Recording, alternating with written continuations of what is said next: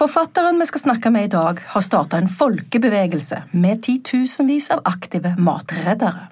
Inspirert av henne har hele redaksjonen vår begynt å se med nye øyne på matsvinn, og vi har nå vårløk og salathoder stående i et glass vann på kjøkkenbenken hjemme. Snart kommer du til å gjøre det samme. Bare hør her. Velkommen til Mette Nygård Havre. Eh, du har skrevet boka Spis opp maten, eh, og den har faktisk undertekst Lag topp restemat. Slik blir du en matredder, og spar penger og miljø. Men du, hvor mye uh, mat kaster vi faktisk i, i, løpet av et år? Hver og en av oss kaster faktisk 42,6 kilo med spisbar mat i snitt hvert eneste år. Og det er mye. Og i min familie er vi fire stykker, så det betyr at vi kan gange det tallet med fire. Så det er store mengder. Det er mye. Ja, Det høres jo i alle fall altfor mye ut.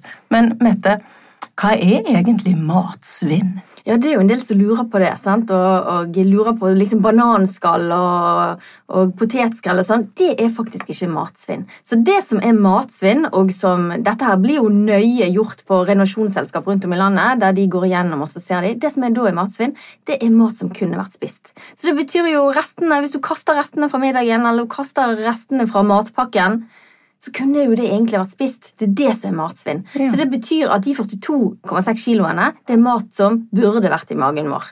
Er det sånn pølsepakker som ingen har åpnet? og bare... Ja, Det er jo det som er så vilt. Jeg har jo vært med på sånne plukkanalyser og sett hva det er. og eh, Her snakker vi hele laksefileter og hele pølsepakker og mengder med brød. Og det vi kaster aller mest av, det er jo faktisk rester fra middagen. Og jeg tenker at Det bør jo være noe av det som er det enkleste at vi snur den trenden. Uh, har du, altså, har du noen, eh, noen, gode eh, altså, triks? Hva er, hva er, det første man kan begynne med for å, å slutte å, å la uh, ressursene, for det er jo det det er, mat som ressurs, bare forsvinne rett ut? Nei, Vi har jo et sånt, eller skrevet et sånt lynkurs da inni boken sant, på hvordan du kan bli en matreder. Og det aller første så er det viktigste det er å bruke sansene. Se, mm. lukte og smake. Eh, og så er det vanskelig å si helt hva er det du faktisk har luktet etter, men du kjenner veldig godt på maten hvis den ikke kan spises. Mm. Så det er litt det der å kvitte seg med datoskrekken. Mm. Ikke bry seg så mye om denne best før-datoen spesielt. Husk at uh, står det best før, så er det ikke nødvendigvis dårlig etter. Så det er jo den viktigste tingen som vi kan begynne med som mattredere. Mm. Da må vi jo skyte inn her. Det er jo du uh, og ditt engasjement som har fått meieribransjen til å endre det som sto på kartongen. Før var det bare best før, men nå står det men ikke dårlig etter. Ja, og Det er jo veldig kjekt. så det, Den utfordringen ga jeg til hele meieribransjen for noen år siden. og Så var det noen av de som var veldig kjapt ute, og så påvirket de de andre også. Så nå har jo faktisk dagligvarebransjen gått sammen eh, og blitt enige om at de vil bruke best før, ofte god etter. Så det er ikke bare på meierivarer lenger. Nå finner du det på utrolig mye mat, og det er kjempeviktig. Men mange er jo spesielt redd for melk. Altså, vi har jo alle sånne ekle opplevelser med, med sur melk som man uh, har prøvd å drikke, eller et eller annet sånt. Det, det er jo ikke noe særlig. Um, men, men uh, og, og, jeg tror at det, det, er ganske vanlig at man plutselig har kanskje, kanskje nesten en sånn kjempekartong som har stått litt for lenge. Mm. hva kan man gjøre med den? Kan man bruke den? Ja, og heldigvis varer de jo veldig veldig lenge etter dato nå, da. Ja. Uh, så melken holder seg mye bedre nå enn hva den gjorde for noen år tilbake. Men har du en melk Jeg har jo ofte sånn, Hvis det er en ferie, f.eks. Når det, uh, det, var vinterferie, da åpnet vi en melk før vi reiste på fjellet, og så sto den der når vi kom tilbake, og så ble den stående enda litt lenger.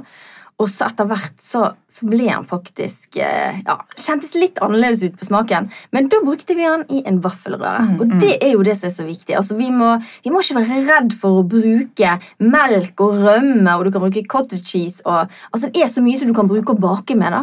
Ja. Hvis ikke du har lyst til å spise det lenger. Det er ikke farlig. Matsikkerheten i Norge er heldigvis veldig høy. Altså Bare eggene, de norske eggene kan jo spises minst et halvt år etter den datostemplingen som står på.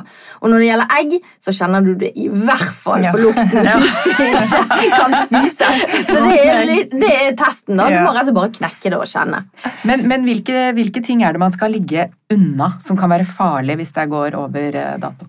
Alt det som er merket med siste forbruksdag, er jo sånne ting som man skal være mer forsiktig med. Så ja. Det er jo gjerne altså, ferskt eh, eller kjøtt. sant? Altså, det er alt ifra eh, kyllingfileter, og det er fisk Men veldig mye der også kan man faktisk bruke sansene på. Men det er vanskelig å si akkurat kanskje hva det lukter. Mm. Men, eh, men siste forbruksdag det skal man være mer forsiktig med, for det kan faktisk bli helsefarlig Mm. etter datoen. Så det er en grunn til at de merker det sånn som de gjør. Mm. Det som er bra nå, da, er jo at mye mat faktisk blir merket om fra siste forbruksdag til best før. Mm. Nettopp fordi vi som forbruker da skal vite ok, da kan jeg bruke sansene på dette, og gjerne spise det etter dato. Ja. Ok. Nummer én i lynkurset er å bli en aktiv matredder. Kurer datoskrekken. Det er det du har snakket om nå. Hva annet? Hva er nummer to på listen? Nummer to er jo, og det er en veldig sånn enkel greie, start med å ha en restedag hjemme. Vi har restetorsdag hos oss. Jeg var på en skole og hadde foredrag, og det var veldig gøy, for da satt en eh, sjetteklassing, og han fortalte dem at hver søndag så har vi tapas hjemme hos oss. Og da plukket de ut alt det de hadde i kjøleskapet fra tidligere uke, så lagde de rett og slett en tapasbuffé. Eller en restebuffé, som jeg ville sagt. da. Så da ha en sånn fast dag i uken. Da får du kontroll på kjøleskapet, du kan til og med få litt kontroll på hva har du i frysen, og så lager du noe godt av det som du allerede har.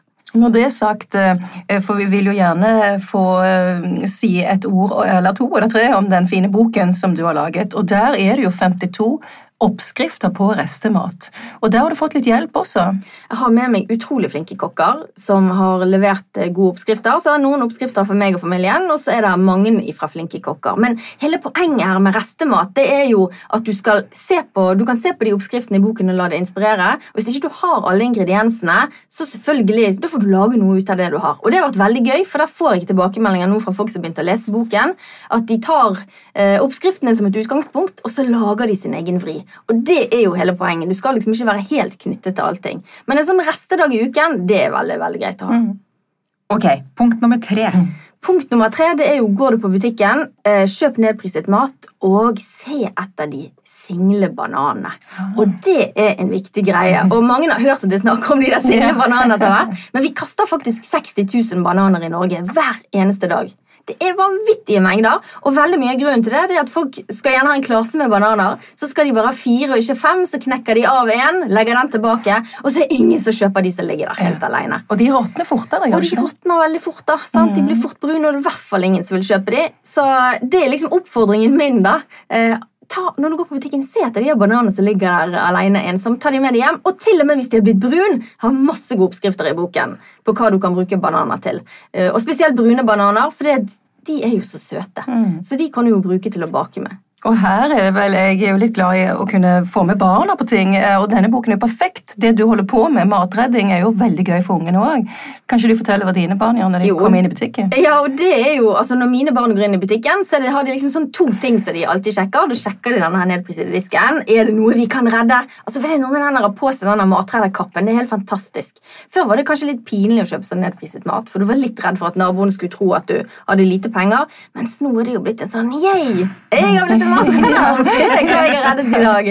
Så ungene mine de går der, og så går de alltid rett bort til frukten og ser om det er noe frukt som de kan redde. Og de er også veldig glad i å lage smoothie, og de vet at om jordbærene er blitt myke, eller blåbærene er blitt litt dvask, eller bananen er blitt brun, eller eplet har fått seg en sånn brun kant, skjærer det da i biter, hiver det i frysen, og så lager de smoothie av det når de kommer fra skolen.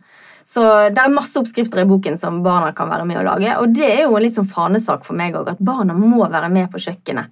De må synes det er gøy også, for da, da tror de får et helt annet forhold til, til maten. Og da er vi over på punkt fire. da. Ja. Og det er jo litt den der eh, å være flink til å ta med seg restemat. Ja. På skole eller på jobb. Matpakken. Matpakken, rett og slett. Og jeg ser han Sønnen min han elsker, og spesielt når det er vinter, så elsker han å ha med seg restesuppe. Det er liksom Varme det om morgenen, ta det på termos. Kanskje ha noen brødkrutonger oppi som vi har laget av tørt brød. Kjempegodt. Eh, penger eh, Det sa jeg innledningsvis, for det, det står jo på boken at man kan spare penger. Har du noe oversikt over hvor, hvor mye man faktisk kan spare ved å, å ha oversikt over det man har, og, og, og bruke det? Man kan spare veldig mye. Altså det, de sier jo det at vi bruker mindre av lønnen vår i dag enn det vi gjorde for noen år tilbake på å kjøpe mat. Men eh, du kan spare veldig mange tusen kroner hvis du bevisst går og handler nedpriset mat. Det var en familie i Bergen som sparte 30 000 kroner i fjor fordi at de gikk og, og kjøpte mat der. Og da er det veldig kjekt. altså Butikkene skriver ut denne kvitteringen uansett om du vil ha den eller ikke, så da kan du faktisk ta den med deg. Kan du samle på dem da i løpet av en uke eller i løpet av en måned, og så ser du da på alt den nedprisede maten du har kjøpt, og så regner du sammen. Så det er jo litt sånn gøy, og det er jo til denne punkt fem her, da, sant? med å la det gå sport i, Ja. i det å, å redde mat. Og veldig mange syns jo det er gøy, at de kan spare penger på det i tillegg.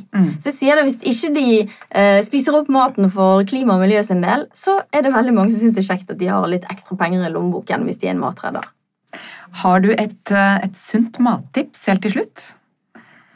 Jeg synes jo, eh, altså Det er jo så mange gode ting inni boken, men jeg er jo ekstremt glad i denne torsken som vi har brukt masse inni boken. Som du da kan eh, faktisk eh, ta det tørre brødet som du lager brødrasp ut av. Så tar du torskefileten og så dypper du den i litt egg og i litt mel og så litt sånn brødrasp utenpå og steiker den. Altså Det smaker himmelsk. Og hvis du har mer igjen, så kan du lage plukkfisk dagen etter, f.eks. Så det er, det er så mye du kan gjøre. Så det er jo også en av tingene som jeg ønsker å vise i boken, at vi må være flinke å bruke hele råvaren. For det er vi ikke alltid like gode til i Norge. Og det gjelder både på fisk og på kjøtt, men det gjelder også på grønnsakene. Den torskeoppskriften laget jeg faktisk i forgårs. For andre gang. Nei, første gang så var det sønnen min som gjorde det. For det var en skoleoppgave. Ja. Eh, og så laget vi den på nytt i forgårs. Kjempebra. Veldig, Så veldig. gøy å høre. Ja. Så deilig. Da må vi bare si tusen takk til deg, Mette, og lykke til videre. Jeg vet at du reiser jo rundt i hele landet og gir foredrag om hvordan vi kan bli aktive matredere. Og du har i alle fall to stykk her som Ja. har ventet helt om. Så takk skal du ha. Tusen Takk du takk.